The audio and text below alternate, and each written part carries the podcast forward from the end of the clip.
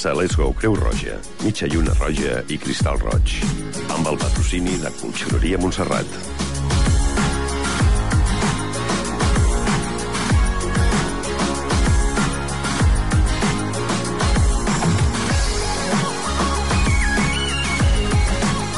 Hola, buena nit. Buenas noches. Buenas noches. No hay ningún viento favorable para quien no sabe a qué punto se dirige. Estos de Artur son verdad, de pensamientos interesantes.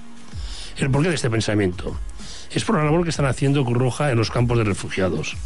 Campos que carecen de agua y alimentos, y Cruz Roja abastece de ello, sean de la religión y raza que sean.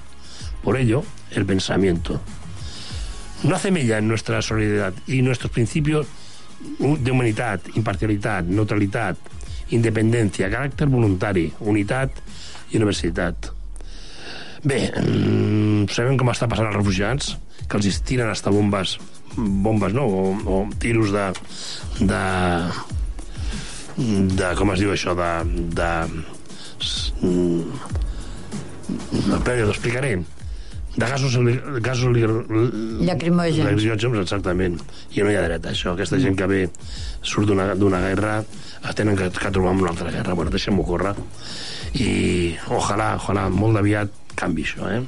Bé, canviem de tema. Le preguntem a María Dolores de qué calle hablaremos hoy y dónde se ubica María Dolores. En San Ildefonso, Bueno, por la calle, ¿cómo se llama? Antonio Machado. Ah, Antonio Machado. Está, bueno, está entre varias, entre varias Sí, calles, ¿no? varias. Que hay un conjunto de gente culta, gente Sí. importante.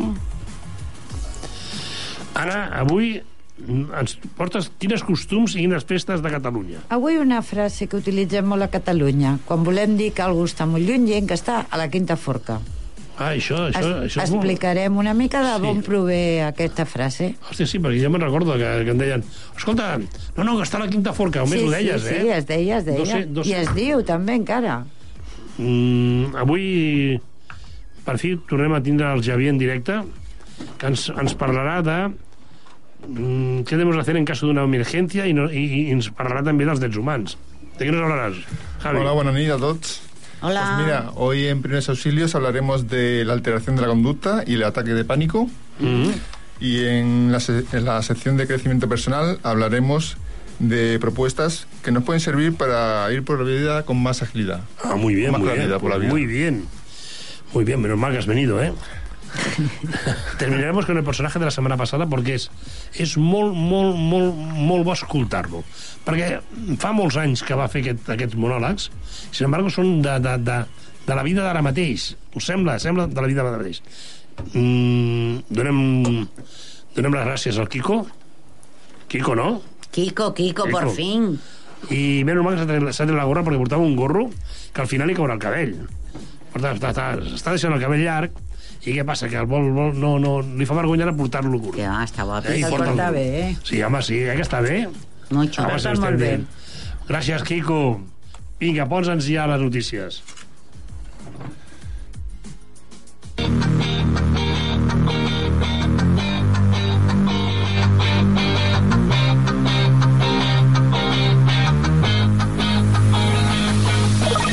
Actualitat. Ens posem en acció.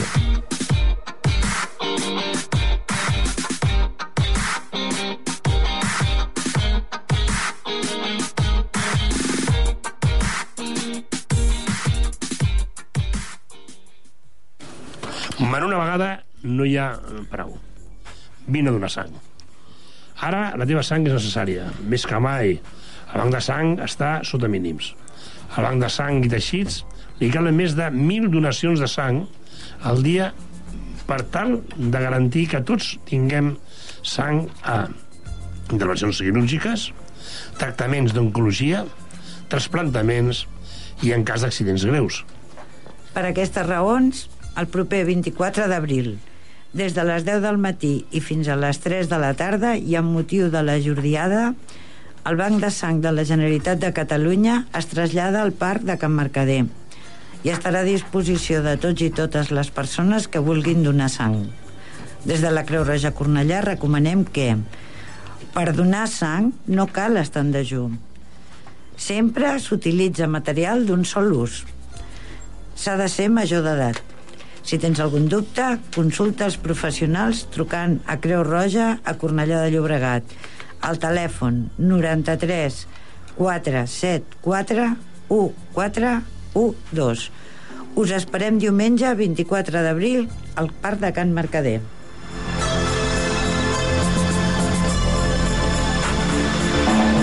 Creu Roja inicia la campanya Lánzate per promoure el voluntariat. La Creu Roja ha iniciat la campanya Lánzate a Catalunya i arreu de l'Estat amb l'objectiu de promoure el voluntariat a la institució humanitària. La campanya se centra en el testimoni de voluntaris i voluntàries que recalquen en un gest pot ajudar a canviar la vida de moltes persones. Per això, el missatge de la Creu Roja també posa èmfasi en les persones a què s'ajuda. Cada matí hi ha persones que tenen la necessitat de sentir que tenen algú al seu costat. Nens i nenes, joves, gent gran, persones migrades, persones sense llar, i amb el teu esforç pots contribuir a fer que totes elles recuperen el somriure. A Catalunya, la Creu Roja compta actualment amb un equip de voluntariat de més de 18.000 persones, de les quals prop d'un 44% són homes i un 56% dones. Si bé és cert que la majoria de persones són joves o de mitjana edat, també hi ha molta gent jubilada o prejubilada. Des de l'inici de la crisi econòmica s'ha experimentat globalment un augment del voluntariat de la Creu Roja, que ha permès fer front a les queixes necessitats socials. Si l'any 2011 la Creu Roja tenia 17.396 voluntaris, a final de 2015 aquesta xifra era de 18.386. Però aquesta tendència a l'alta s'ha interromput durant els darrers dos anys i la Creu Roja cerca nous suports per poder fer front al seu ampli ventall d'àmbits d'actuació.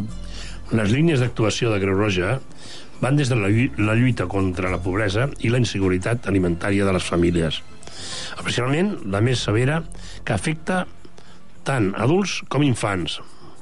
Atenció a diversos col·lectius en situació vulnerable, infància i joventut, gent gran, dones amb dificultat social, persones immigrants i refugiats. Fins a la salut, el socor i les emergències passen per la cooperació internacional i la sensibilització en drets humans i principis de valors. En total, la Creu Roja atén a més de 800.000 persones cada any. Necessitem voluntaris si vols fer-te voluntari de Creu Roja a Cornellà, de veritat, truca al 93 474 1412, repeteixo, 93 474 1412.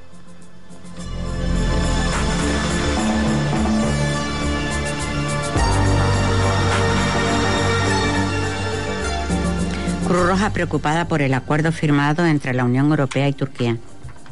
Desde numerosas naciones, sociedades de la Cruz Roja, queremos expresar nuestra profunda preocupación por el emergente impacto humanitario del acuerdo firmado recientemente entre la Unión Europea y Turquía para frenar el flujo de personas inmigrantes a Europa.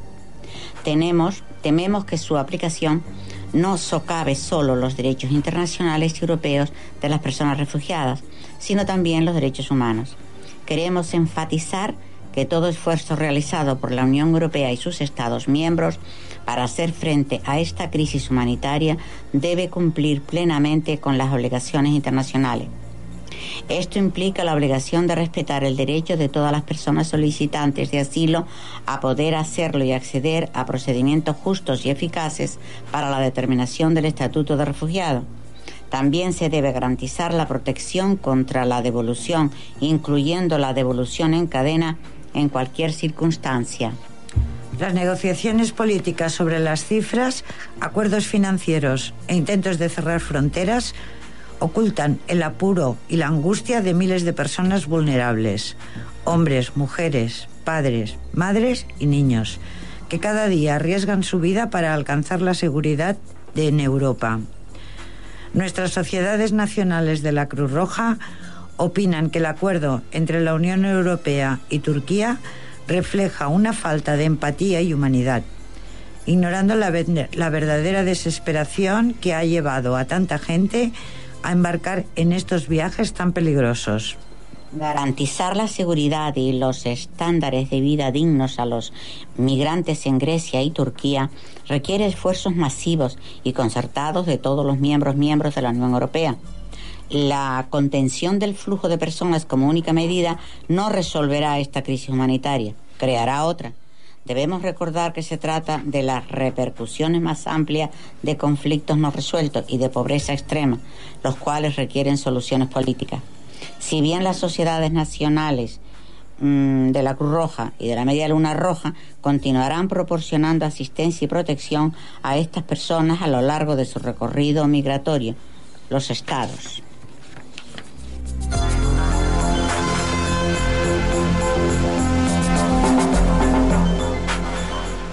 La Unió de Francesos a l'estranger col·labora amb els programes d'ocupació de Creu Roja. La Creu Roja i la Unió Francesos a l'estranger ha signat aquest dilluns 4 d'abril un conveni amb objectius d'intercanviar coneixements i bones pràctiques relacionades amb la ocupabilitat de persones en risc d'exclusió social laboral, cerca el suport i ampliació de l'entorn empresarial. La Unió de Francesos i la Creu Roja tenen l'objectiu comú d'afavorir possibilitats reals de millora professional de col·lectius més vulnerables, especialment persones refugiades o sol·licitants d'asil, que ja participen als programes d'ocupació de la Creu Roja a Catalunya.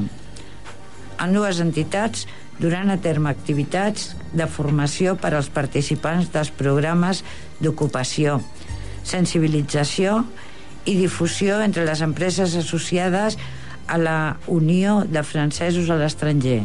Entre d'altres actuacions, aquest programa s'iniciarà a Barcelona i després de la primera revisió semestral es decidirà si és viable la seva expansió a la resta de Catalunya. La Unió de Francesos a l'estranger és una associació reconeguda com d'utilitat pública pel govern francès. Actualment està present a 106 països l'entitat proporciona assistència material i moral a tots els ciutadans francesos que viuen fora de les fronteres del seu país. La UFE també representa i defensa els interessos dels expatriats davant les institucions franceses. També duen a terme activitats sobre igualtat i solidaritat, assistència a la recerca de feina, oci i cultura.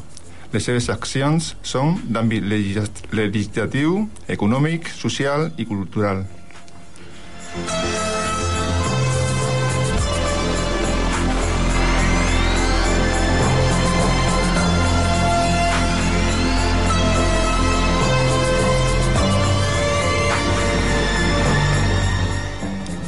Vint anys de la Rosa Solidària. La Creu Roja Barcelona celebra Sant Jordi omplint la ciutat de roses solidàries. L'any 2015 es van vendre més de 3.500 roses. Els fons recaptats es destinaran a la campanya de Nadal per a les persones grans en situació de vulnerabilitat. El proper 23 d'abril, diada de Sant Jordi, més d'un centenar de voluntaris i voluntàries de la Creu Roja Barcelona participaran en la venda de la Rosa Solidària. Serà a través de vuit taules situades en diferents punts de la ciutat on es podran adquirir les roses de Sant Jordi distribuïdes per la Creu Roja. Els fons recollits es destinaran a la campanya de Nadal, vers les persones grans en situació vulnerable. Aquest és el 20è any que la Creu Roja a Barcelona celebra la Rosa Solidària. Ubicació dels punts de venda de les taules de, de Creu Roja. Estaran a la plaça de Sant Jaume número 1, a la plaça de la Catedral 4, al portal de l'Àngel 24, Passeig de Gràcia 4, plaça de Catalunya 5, plaça Universitat 8, carrer Perelló 58 i la plaça Catalunya 19, de 8 a 18 hores. La Creu Roja agraeix a totes les persones que comprin la rosa solidària el seu suport i la seva solidaritat. En recordeu-se, sisplau.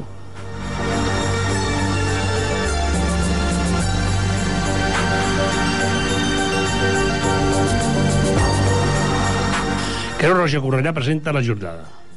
La Creu Roja Correllà participarà, com sempre, amb els actes de la jordiada, la Creu Roja correrà i serà present el 24, la 24 edició de la, de la jornada del 2016, que tindrà lloc el proper dia 24 d'abril al Parc de Can Mercader.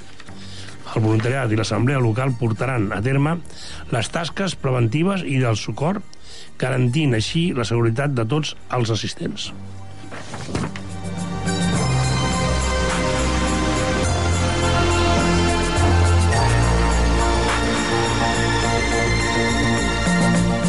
Siete millones de personas se benefician de la casilla X solidaria de la renta.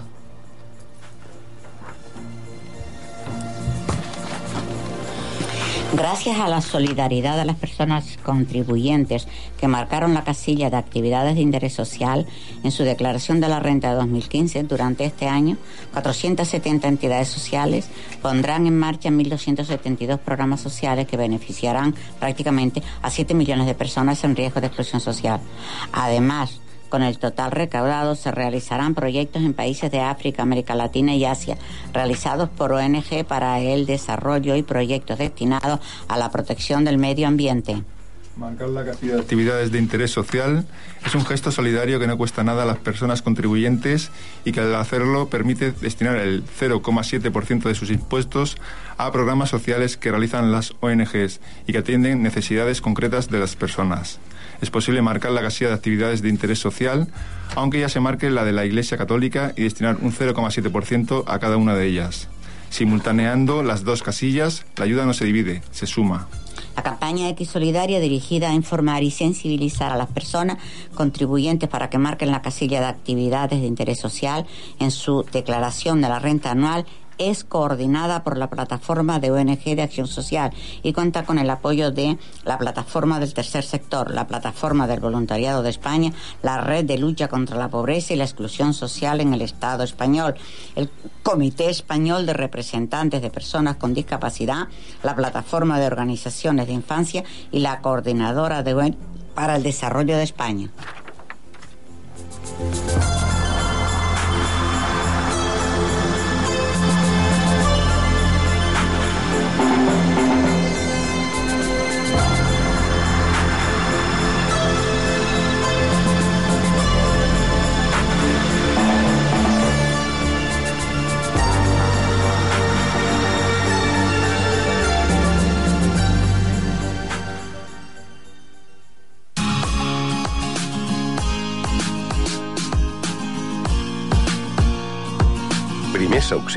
Auxilios, pas a pas.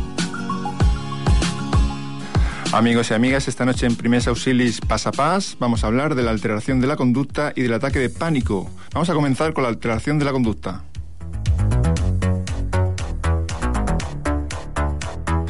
Una persona puede comportarse de modo anómalo y violento por muchas razones.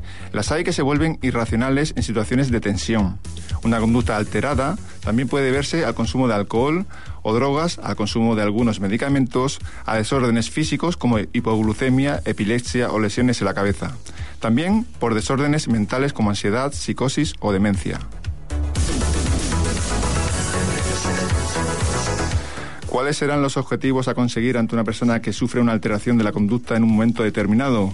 Ayudar a que se recupere una conducta normal y conseguir ayuda sanitaria si hiciese falsa, falta. Y para ello seguiremos estos dos pasos. El primero, hablaremos a la persona alterada con calma e intentaremos averiguar la causa de su conducta. No discutiremos con la víctima, pues solo conseguiremos empeorar las cosas. Y segundo paso, llamaremos a un médico, mejor si es el médico de la víctima, y si hiciera falta también avisaríamos a la policía en los casos en que la situación se volviese peligrosa.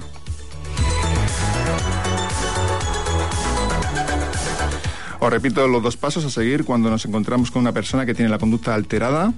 Primer paso, hablaremos a la persona alterada con calma e intentaremos averiguar la causa de su conducta. No discutiremos con la víctima, pues solo conseguiremos empeorar las cosas. Y segundo paso, llamaremos a un médico, mejor si es el médico de la víctima, y en los casos en que la situación se volviese peligrosa, también avisaríamos a la policía. Como precaución, comentaremos que si la persona alterada está agresiva, no nos tenemos que poner nosotros en peligro y debemos asegurarnos al actuar de que disponemos de un refugio para protegernos o una salida para escapar del lugar.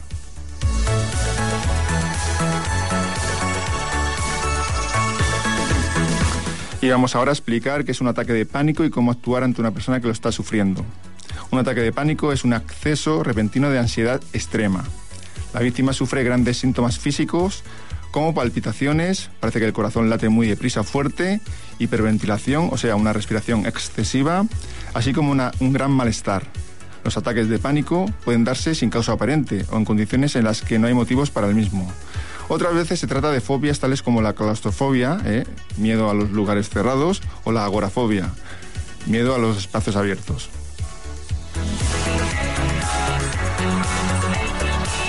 ¿Y cómo reconoceremos a una persona que tiene un ataque de pánico? Pues puede tener hiperventilación, tensión muscular con dolor de cabeza y de espalda y con sensación de presión en el pecho, aprensión extrema y miedo a morir, temblores, sequedad en la boca, sudoración y pulso acelerado y palpitaciones. Los objetivos a conseguir ante una persona que sufre un ataque de pánico son eliminar la causa, si es evidente, y ayudar a la víctima a recuperar el autocontrol. Importante, el autocontrol. Para ello seguiremos estos dos pasos. Primero, intentar averiguar y eliminar la causa de la fobia, llevar a la víctima a una zona tranquila, la calmaremos y le diremos que se trata de un ataque de pánico, por si no es consciente de ello. Y el segundo paso, le insistiremos a la víctima para que respire con calma. Si se está hiperventilando, ¿eh? una respiración excesiva, le diremos que respire en una bolsa de papel para que tome control de su respiración.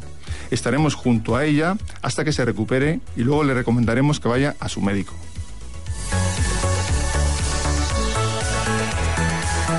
Bueno, pues ya hemos hablado de la alteración de la conducta y del ataque de pánico. Por último, y como siempre, comentaros la importancia de hacer un curso básico de primeros auxilios y la importancia también de tener a mano siempre un botiquín de primeros auxilios.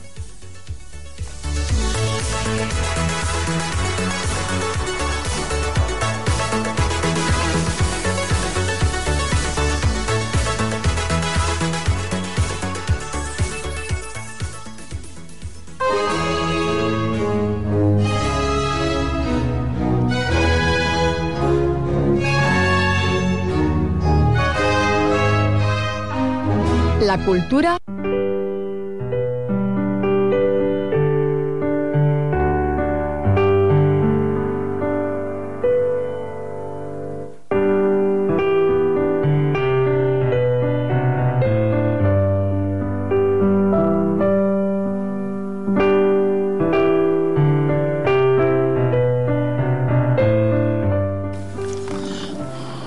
¿Nos hablas de Antonio Machado? Eso enmarcada en las calles de Mosén Andreu, Canfaso y Avenida San Ildefonso, en medio de la amalgama de bloques dedicados a árboles y flores, se supone que con premeditación, más que fruto de la casualidad, se ha reunido a cuatro de los poetas representativos de la cultura española y de cuatro de sus regiones. Hablamos de la Plaza de Rosalía de Castro, símbolo universal de la cultura gallega, la Plaza de Antonio Machado de las Tierras Castellanas, la Plaza de Miguel Hernández, símbolo del sentimiento íntimo universal y cantor de su tierra mediterránea, unidos por el pasaje de Federico García Lorca, el cantor de las costumbres andaluzas y la crítica al oscurantismo. Indudablemente son personajes que merecen este recuerdo en el barrio más polifacético de Cornellá, donde se reunieron desde mitad del siglo pasado originarios de estas regiones españolas, pero Tal vez se le nombra más que se conoce su vida y sus obras. Por eso, para recordarles ligeramente, me ha parecido oportuno comentar las incidencias de la vida de cada uno y la amplitud de sus obras. Son tan ricas, tanto bajo el punto de vista de su gloria como en las tragedias de sus vidas, que piden dedicarles uno de los espacios de este programa en días sucesivos. Me parece correcto.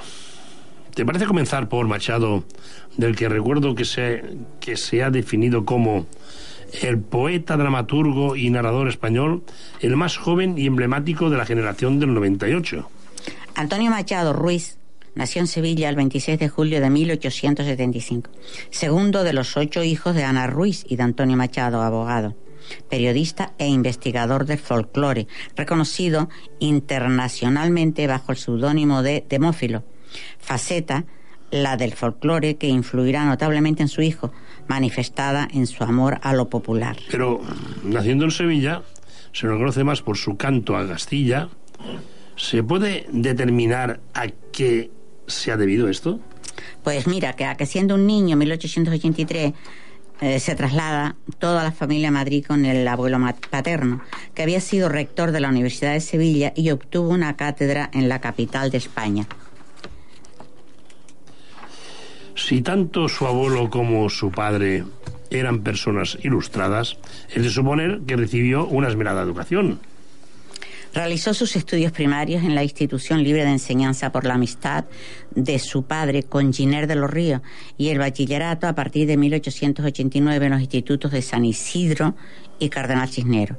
No se le puede catalogar como un buen estudiante. No terminará el bachillerato hasta 1895, debiendo recordarse por lo chocante con su actividad posterior que suspendió repetidamente las asignaturas de latín y sobre todo castellano. Seguro que años más tarde los profesores que le catearon en castellano se darían con un canto en los dientes, a comprobar que a quienes consideraban incapaz de dominar el idioma se convertía en su maestro, en su maestro hasta los 32 años permaneció en Madrid, debiendo dedicarse a algún, algún tipo de, actividad, claro, pues, pues no siguió estudios universitarios y la familia era muy amplia y no disponía de demasiados ingresos. Eh, como dije, el soporte principal era el abuelo, sufriendo un grave quebranto económico, primero con la muerte de su padre, que emigrado a América en 1892 regresó sin fortuna y tuberculoso al año siguiente en que falleció. Pronto faltó también el sueldo de su abuelo, que murió en 1896, quedando toda la familia dependiendo de la pensión de la abuela y malviviendo en un pequeño apartamento. Lógicamente, Antonio, su hermano mayor, Manuel, debieron hacerse cargo del sostenimiento de la familia. Ni mucho menos, llevaban ya antes y continuaron con una vida bohemia en cafés y artistas, tablaos flamencos, tertulias literarias y toros. Tomaban parte de las reuniones literarias y teatrales, actuando en papeles secundarios en la compañía de María Guerrero y Fernando Díaz de Mendoza. Ese afán de aventura le llevó a realizar dos viajes a París en 1899 y 1902, donde ya residía su hermano Manuel perfeccionando el idioma. Allí conoció e inició una relación con Rubén Darío y trabajó para la editorial Garnier, tan trascendental en la publicación de la literatura castellana de cara sobre todo a las naciones hispanoamericanas. Al regresar de su segundo viaje publicó su primer libro de poemas, Soledades, que se reproduciría ampliado en 1907 en Soledades, Galerías y otros poemas. Su estancia en París y el consiguiente conocimiento del francés, el idioma universal del momento, constituiría la base económica del resto de su vida. En 1906, por consejo de Guiner de los Ríos, opositó a la cátedra de francés para institutos, tomando posesión la de Soria el 1 de mayo de 1907. Una de las menos importantes, ya que apenas superaba los 8.000 habitantes, por sacar uno de los últimos números. Allí se casó el 30 de junio de 1909 con Leonor Izquierdo, la hija de su hospedera, que solo contaba 15 años, y él 34. El matrimonio fue feliz, contra lo que todos pronosticaron. En 1910 el matrimonio se trasladó a París con una beca concedida por la Junta de Ampliación de Estudios. No la pudo aprovechar en toda su amplitud porque Leonor enfermó de tuberculosis y aconsejaron su regreso a Soria por considerar su clima más favorable, pero falleció el 1 de agosto de 1912. Poco después su amada pudo leer el libro que su marido dedicó a su tierra, el insuperable y sublime Campos de Castilla. Es indudable que la muerte de su esposa le marcó hasta el extremo de decidirse a salir de Soria, pues su constante recuerdo le impedía seguir viviendo en esta ciudad castellana. Para olvidar pidió traslado en 1912 a la única vacante existente, la de catedrático de gramática francesa en el Instituto de Baeza, en la provincia de Jaén, penando más que viviendo, hasta 1919, que consiguió el traslado a Segovia. Vuelve a su añorada Castilla y colabora en la fundación de la Universidad Popular Segoviana, cuyo objetivo era la instrucción gratuita del pueblo. Participa en todas las tertulias de la ciudad y por la cercanía de Madrid mantiene constante relación en sus frecuentes viajes a la capital con la élite de la cultura y la generación del 98, además de relacionarse epistolarmente principalmente con Unamuno, con Ramón Jiménez, Rubén Darío, Azorín, e incluso a pesar de la diferencia de edad con García Lorca, ya que conocieron en un viaje de este realizó el profesor y varios estudiantes de la Universidad de Sevilla. No cesó tal vez quitando el periodo de su estancia en Baeza, con la constante colaboración con la prensa literaria del momento, sin olvidar su actividad poética. En 1924 publicó Nuevas Canciones, poesía de corte netamente popular. El reconocimiento de su obra literaria quedó patente en 1927 al ser nombrado miembro de la Real Academia de la Lengua, pero no le ilusionó en absoluto. Nunca ocupó su sillón ni pronunció el discurso de ingreso. Sus biógrafos no se ponen de acuerdo sobre un desvaneo amoroso. En 1928, en un viaje de la poetisa Pilar de Valderrama a Segovia, se enamora de ella, aunque ésta estaba casada, manteniendo una relación no estando claro si esta solo fue platónica y literaria, que es la de Guimar de sus poemas. Aunque nunca intervino directamente en política, al igual que muchos de sus contenidos, de sus contertulios, eran netamente republicanos. ¿Se recuerda algún hecho destacado que lo confirme? Pues el 14 de abril de 1931, al proclamarse la República en Segovia, es invitado por el ayuntamiento a izar la bandera tricolor. Será una de sus últimas actuaciones en la ciudad. Pues en octubre se le concede una cátedra en el Instituto Calderón de la Barca de Madrid, donde comenzará a impartir sus clases al año siguiente, hasta 1934, que es trasladado a Cervantes. El año anterior había publicado otra de sus obras también con trasfondo castellano, La tierra de Álvar González. Vuelve a convivir con su madre y hermanos, poniendo además en escena varias de las comedias escritas junto a su hermano Manuel, además de hacerse cargo de la organización del Teatro Popular que se le asignó por orden gubernativa a petición del Patronato de Misiones Pedagógicas. Pero hasta ahora has recordado sus publicaciones de poesía, pero su actividad literaria alcanzó otros campos. En prosa publicó numerosos artículos en todos los periódicos cultos de los lugares en que residió, coleccionados en parte por él mismo en 1937 en el libro titulado Juan de Mairena, que son sentencias, donaires, apuntes y recuerdos de un profesor apócrifo. Para el teatro, además de adaptar algunas obras de López de Vega y Tirso de Molina, publicó en prosa o verso con su hermano Manuel seis obras entre 1927 y 1932, siendo de destacar por más conocida La Lola se va a los puertos. Las reunió en una edición en 1932 bajo el título de Teatro Completo. Es obligatorio recordar la última etapa de su vida, que coincide con la guerra civil y sus consecuencias pues estalla la guerra en 1936, es trasladado a Valencia a petición de la Alianza de Intelectuales, presentada nada menos que por Rafael Alberti y León Felipe. Allí es hospedado en la Casa de Cultura, instalándose posteriormente con su abuela, madre y hermanos en el pueblo de Rocafort. Participó en la propaganda republicana, colaborando en la Hora de la Cultura. Asistió al segundo Congreso Internacional de Escritores para la Defensa de la Cultura, organizado por la Alianza de Intelectuales Antifascistas. En 1937 publica La Guerra y Madrid, baluarte de nuestra guerra de la independencia, contraponiéndola a la que sufría la capital con la guerra civil. Una de sus últimas poesías y de la más conocida será El crimen fue en Granada, dedicada a García Lorca. A principios de 1939 se trasladó a Barcelona y ante el avance de los sublevados se exilia con su madre a Colleure, falleciendo a los pocos días el 22 de febrero.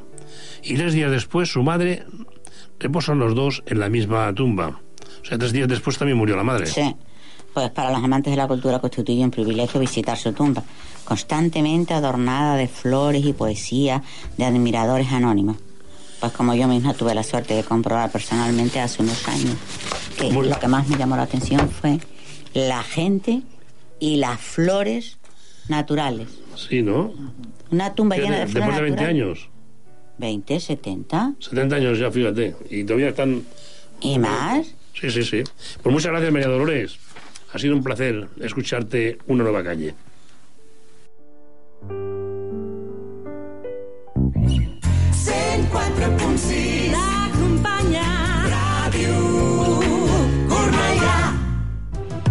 Si te llaman por teléfono o a la puerta, si te paran por la calle, siempre que te pregunten qué emisora escuchas, tú lo tienes claro. Tu respuesta es Radio Cornellà, por supuesto. Radio Cornellà, siempre a tu lado. En Murray es trobava atrapat en el temps. Nosaltres, atrapats la cultura.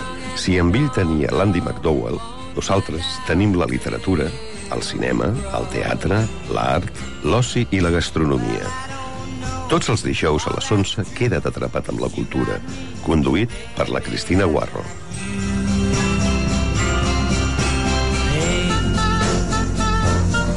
I got you, babe. Vols viatjar de franc per tot un món de músiques? Connecta amb De Més Enllà cada dijous de 9 a 11 de la nit. A Ràdio Cornellà amb Jordi Garcia.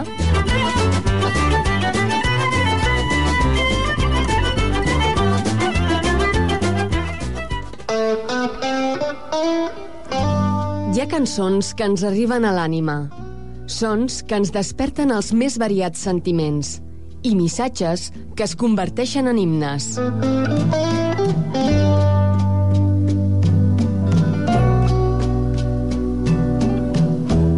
Da Capo, el denso mundo de la música. Tots els diumenges, de 3 a 5 de la tarda, a Ràdio Cornellà.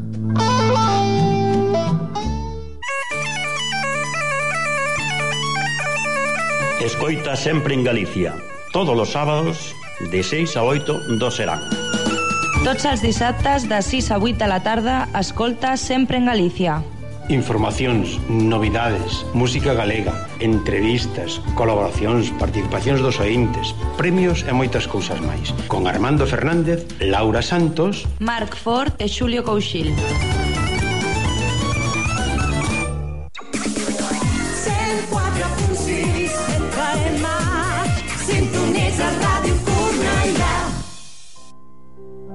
Fa una nit clara i tranquil·la hi ha la lluna que fa llum els convidats van arribant i van omplir Bueno, avui us vull explicar que de vegades fem servir expressions que no sabem ben bé d'on procedeixen. Vull explicar que quan diem que està a la quinta forca volem dir alguna cosa que pensem que està molt lluny o algun lloc. Como el quinto infierno. Eh, sí, però aquí se dice la quinta forca. Eh, en temps molt reculats, en cadascun dels quatre camins principals que duien a Barcelona, hi havia un element més aviat sinistre, una forca. Un dels camins més coneguts que venia de Sants i que passava per un petit coll conegut precisament com el coll dels Forcats, o més endavant s'instal·laria la creu coberta per purificar-lo. Era ben clar que, a més de considerar la ciutat un arxiu de cortesia, les autoritats volien demostrar que qui la feia la pagava. Asseguren que també hi havia hagut forques al que avui es coneix com a Pla de Palau. Aleshores, una mena de porta de la ciutat que donava al mar per advertir als mariners de què li esperava a qui cometés un, gran, un greu delicte. i Barba i Frankenstein i l'home Sovint els penjats quedaven exposats dies i dies a la vista dels vianants. Amb el temps, una congregació religiosa va obtenir el permís de les autoritats per enterrar les restes dels desventurats que encara estaven penjats i ho feien el dia dels morts, o sigui, el dia 2 de novembre. I amb la fusta de la forca construïren una creu per posar sobre la tomba. Se'ls enterrava en un lloc conegut com Montjuïc del Bisbe. El carrer avui en dia encara existeix i era propietat del bisbat, que actualment correspon a la, a la plaça de Sant Felip Neri. Abans de l'enterrament, els taüts s'exposaven al claustre de la catedral perquè es pogué pregar per les seves ànimes. A més de les quatre forques situades als camins que anaven a Barcelona, es va decidir aixecar una cinquena al camí que duia de, a, de la ciutat cap al Vallès, que després va ser la carretera de Ribes i més tard l'Avinguda Meridiana. La quinta forca es va situar en el turó de la Trinitat, conegut també com Finestrelles, en un terreny propietat del duc de Montcada, que per a la majoria de ciutadans quedava molt lluny, tant que es va fer popular l'expressió Sembla que és, una quinta, que és a la quinta forca, per indicar que hi havia una gran distància fins a un lloc. I el capitán Trueno en patinet. S'hi va fer construir amb la mateixa idea que les altres quatre, perquè era un camí força concorregut. En aquest cas, per aquells que arribaven del Vallès o que hi anaven provinents de Barcelona així es volia avisar als nouvinguts del que podia passar en cas que algú actués com un malfactor. I encara podia ser pitjor, perquè si el crim comès era esgarrifós, el condemnat era esquarterat després de mort i més d'una vegada s'exposaven trossos de la seva carn al lloc on havia comès el crim. Com que els gossos ensumaven les restes però no se les menjaven, va néixer també una altra dita, la de no és bo ni per als gossos. Hi havia, però, una costum encara més excepcional. Si la corda del penjat es trencava i aquest se salvava, li perdonaven la vida.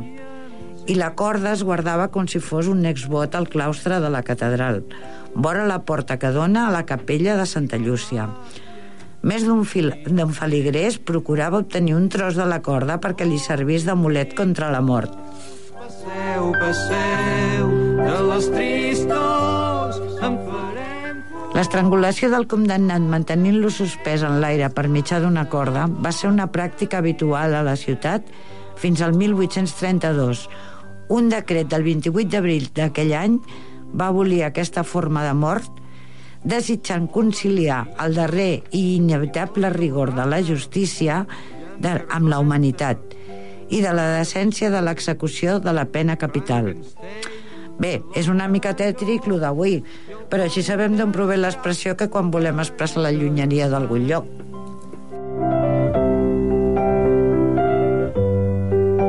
La monachita i Peter Pan, la senyoreta Marieta de l'ull viu, ve amb un soldat... Bé, la setmana que ve ja buscarem un altre tema, aviam, Aviam. quin pot ser interessant. Sí, de la- Per anar coneixent cosetes de, de Catalunya, Sí, sí, en general. Està, està, està, està molt lluny, està a la quinta força. Ya, es que yo de ellas... Voy a- voy a saber- Sí, la Meridiana, lo que es actualmente la Meridiana. de la Meridiana, pero al final de la Meridiana. Sí, claro, era en el Turo de la Trinidad, que es que quedó al final de, de la Meridiana. O sea que, y lo de la, la primera que estaba en la carretera de Sanz, que luego pusieron la cruz y hicieron la creu cubierta, que es como se denomina la calle ahora. Pues muchas gracias, Ana. Cruz cubierta. Hasta la semana que viene. Está por Sams. Pues Sí, eso. bueno, entre Sans y Plaza España. Pues está, está nuestra Franks. Y tanto, conozco todo el... Sí, sí. A ver, Ahora vamos con el a ver, el coaching, crecimiento qué- personal. A ver qué nos vas a explicar.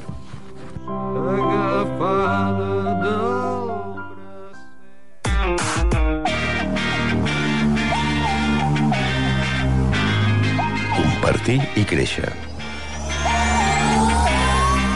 Amigas y amigos, hoy en Compartir Creisha nos toca leer el artículo número 13 de la Declaración Universal de los Derechos Humanos, que dice así. En el punto número uno, toda persona tiene derecho a circular libremente y a elegir su residencia en el territorio de un Estado. En su punto número dos, toda persona tiene derecho a salir de cualquier país, incluso del propio, y a regresar a su país. En este artículo número 13 de la Declaración Universal de los Derechos Humanos se nos dice que tenemos el derecho, en definitiva, a circular libremente por cualquier lugar de nuestro planeta, salvo evidentemente por lugares que sean privados o peligrosos para nuestra vida. Y he pensado que un buen tema de crecimiento personal que podríamos desarrollar en relación a dicho artículo sería el de ir por la vida, circular por la vida, liberándonos de cargas innecesarias. ¿Os imagináis intentar recorrer el trayecto más corto con una mochila que pese muchísimo? Pues eso es lo que nos sucede cuando cargamos sobre nuestros hombros, sobre nuestras espaldas, y en definitiva en nuestro día a día, pesos y presiones inútiles que no nos dejan avanzar en el camino hacia nuestros objetivos. Os voy a dar una serie de propuestas que os pueden servir para movernos, para moveros con más agilidad y claridad por la vida.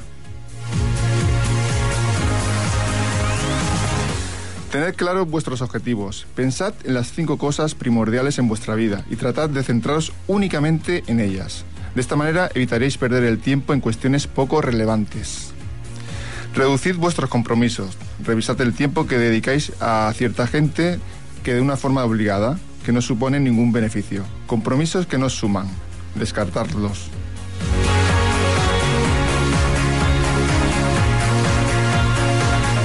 Seguimos liberándonos de cargas innecesarias, el perfeccionismo, ese miedo a equivocarnos, a querer hacerlo todo correcto y perfecto a la primera.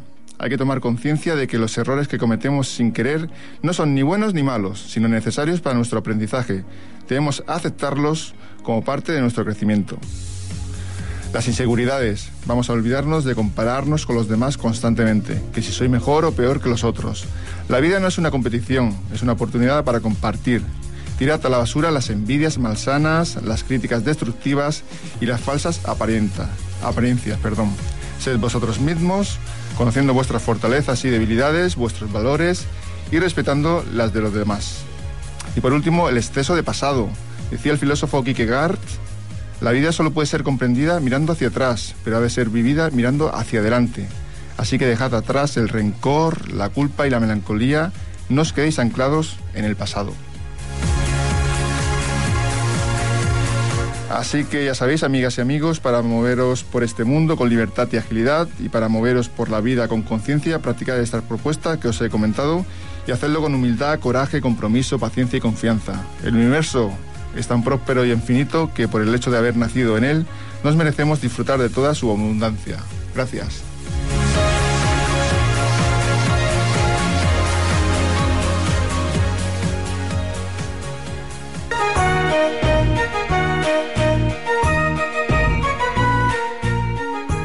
Us explico un conte.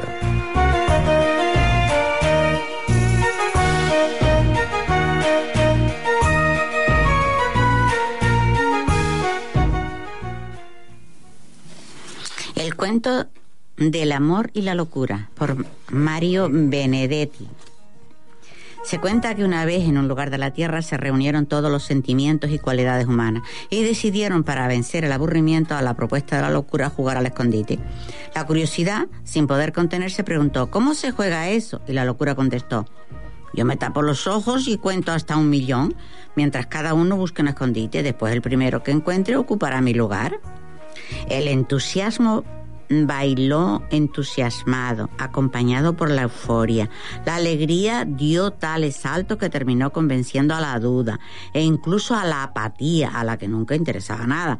Pero no todos querían participar. La verdad prefirió no esconderse. ¿Para qué? Si al final siempre la encontraban.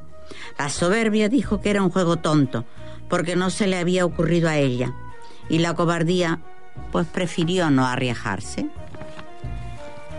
Un, dos, tres, un, dos, tres, comenzó a contar la locura. La primera en esconderse fue la pereza, detrás de las primeras piedras del camino. La fe subió al cielo. La envidia se escondió a la sombra del triunfo. La generosidad casi no logró esconderse, pues cada sitio que hallaba le parecía más apto para alguno de sus amigos. Que si el lago cristalino para la belleza, que si la hendidura de un árbol perfecto para la timidez, que si el vuelo de una mariposa mejor para la voluptuosidad, que si una ráfaga de viento ideal para libertad, y terminó por esconderse en un rayito de sol. El egoísmo encontró desde el principio un lugar airado y cómodo. Eso sí, para él solo. La mentira se escondió en el fondo de los océanos. Ay, no, mentira. Se escondió detrás del arco iris. La pasión y el deseo en el centro de los volcanes. El olvido. Ay, perdón, que ya no me acuerdo ni lo que dije. Un millón contó la locura y comenzó a buscar. A los pocos pasos encontró a la pereza detrás de las primeras piedras. Era un descuido, encontró a la envidia y claro, pudo deducir inmediatamente dónde estaba el triunfo. El egoísmo no tuvo ni que buscarlo. Él solito salió del escondite, que había resultado ser un nido de avispas. De tanto caminar sintió sed y al acercarse al lago descubrió a la belleza y con la duda resultó más fácil todavía, pues la encontró sentada sin decidir todavía ni a dónde se tenía que esconder. Así fue encontrando a todos, al talento entre la hierba fresca, a la angustia en una oscura cueva, a la mentira detrás del arco iris, ay no mentira, en el fondo del mar, hasta al olvido que ya se había olvidado dónde estaba el escondite. Pero ¿dónde estaba el amor que no aparecía por ninguna parte? Cuando la locura estaba para darse por vencida, vio un rosal y se dijo, el amor tan cursi siempre se esconde entre las flores. Y tomando una horquilla comenzó a meterle entre las ramas. De pronto oyó un grito. Las espinas habían dañado los ojos del amor. La locura no sabía cómo disculparse. Lloró, rogó, pidió perdón y hasta prometió ser su lazarillo. Desde entonces, desde que en la tierra se jugó por primera vez al escondite, el amor es ciego y la locura siempre la acompaña. Muchas gracias, muy bonito. Hombre, si es de, es de Benedetti, tiene que ser bonito también, ¿no? Muchas gracias, María Dolores. Sentimientos muy bonitos.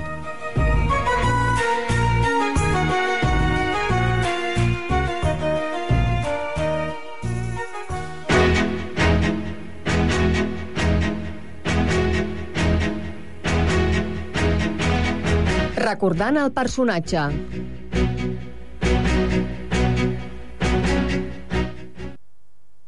No, no, nois, estic extenuat. Estic, estic cansat, estic baldat, jo ja no sé com fer-ho per tirar la Us recordeu, de, us recordeu del Capri?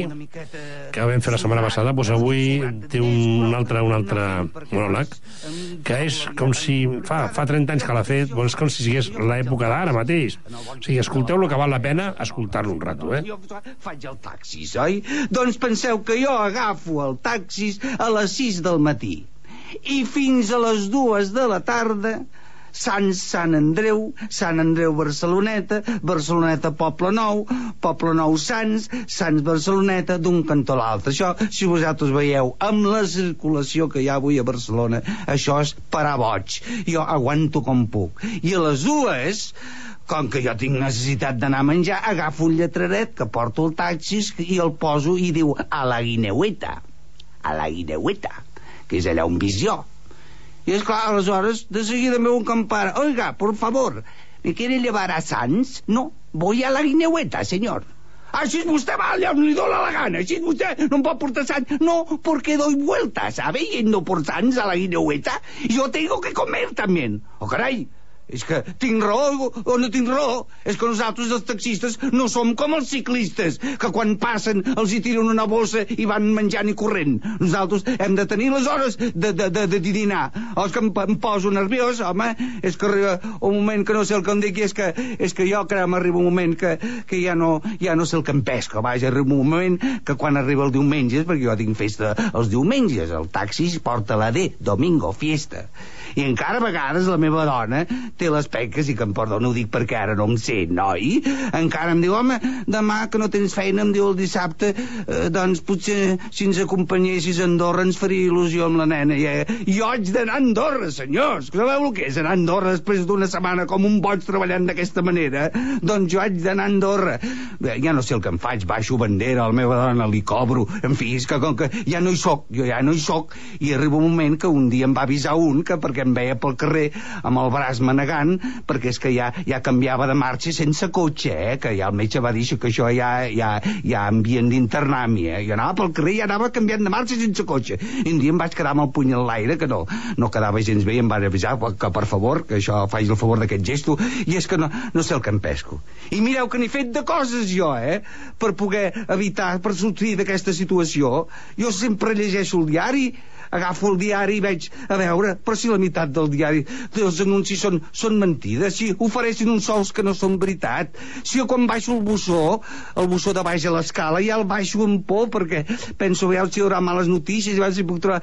Un dia em vaig trobar una carta, eh? una carta que deia, distinguido senyor, Le comunicamos que en el sorteo efectuado del Mago usted ha sido favorecido con 20.000 pesetas, que puede pasar por nuestras oficinas en la calle. I vaig dir a la dona, mira, veus, com no tot són males notícies, tu, s'ha tocat 20.000 peles, tu, sense haver-hi jugat, es veu que ens han tocat. Aquí ho diu la calle Coche Cochento, 20.000 pesetas. I vaig allà a la calle Coche Cochento, arribo allà, y digo, oiga, he recibido una carta de ustedes que me dicen que en un sorteo efectuado ustedes debajo de un notario, a mí me han tocado 20 mil pesetas que me irían muy bien si me las pudieran pagar enseguida, ¿sabe? Y que se me queda mirando y dice, bueno, hombre, bueno. Bueno, hombre, le ha tocado 20 mil pesetas. Muy bien, hombre. Mire usted. Nosotros somos de una urbanización que se llama Pinares Sombríos y hemos hecho un sorteo para los futuros compradores, ¿sabe? Y entre ellos le hemos puesto a usted como futuro comprador hemos hecho un sorteo y a usted le ha tocado 20.000 pesetas. De manera que son 700.000 pesetas de la parcela, menos 20.000 que le debemos son 680.000 que tiene que pagar. Vaig quedar mort. nois. De manera que encara li vaig dir, però escoltin, escoltin, ustedes no me podrían pagar primero lo que me deben y luego hablaremos de la parcela. Doncs no, senyors, ha d'anar plegat. Es veu que és una estafada col·lectiva, això. Per això, per això estic esbarat, per això vaig a vol i no sé on agafar-me, perquè tot és igual, perquè vaig mirar la tele un dia i vaig veure que anunciaven una targeta compre sin dinero, el banco paga para usted, con la tarjeta las tres veces usted no tiene necesidad de dinero alguno, porque enseñando la tarjeta puede usted tirar de beta lo que quiera y nosotros... I vaig al banc demanant la targeta por la mort de Déu, li vaig dir, oigan, ustedes hacen propaganda de una tarjeta que a mí me iría muy bien si me la dejaran, aunque fuera 15 días solamente, porque necesito una gabardina, ¿sabe? Y estoy colgado. I em va fer una cara, el del banc. Quan li va... La setmana que ve seguirem amb el que li passa amb la targeta del banc, perquè és veritat que són coses que estan succeint ara mateix, eh? O sigui, val la pena escoltar-lo. I ara, la frase final, doña Maria Dolores. I abans d'acabar, unes paraules per a la reflexió.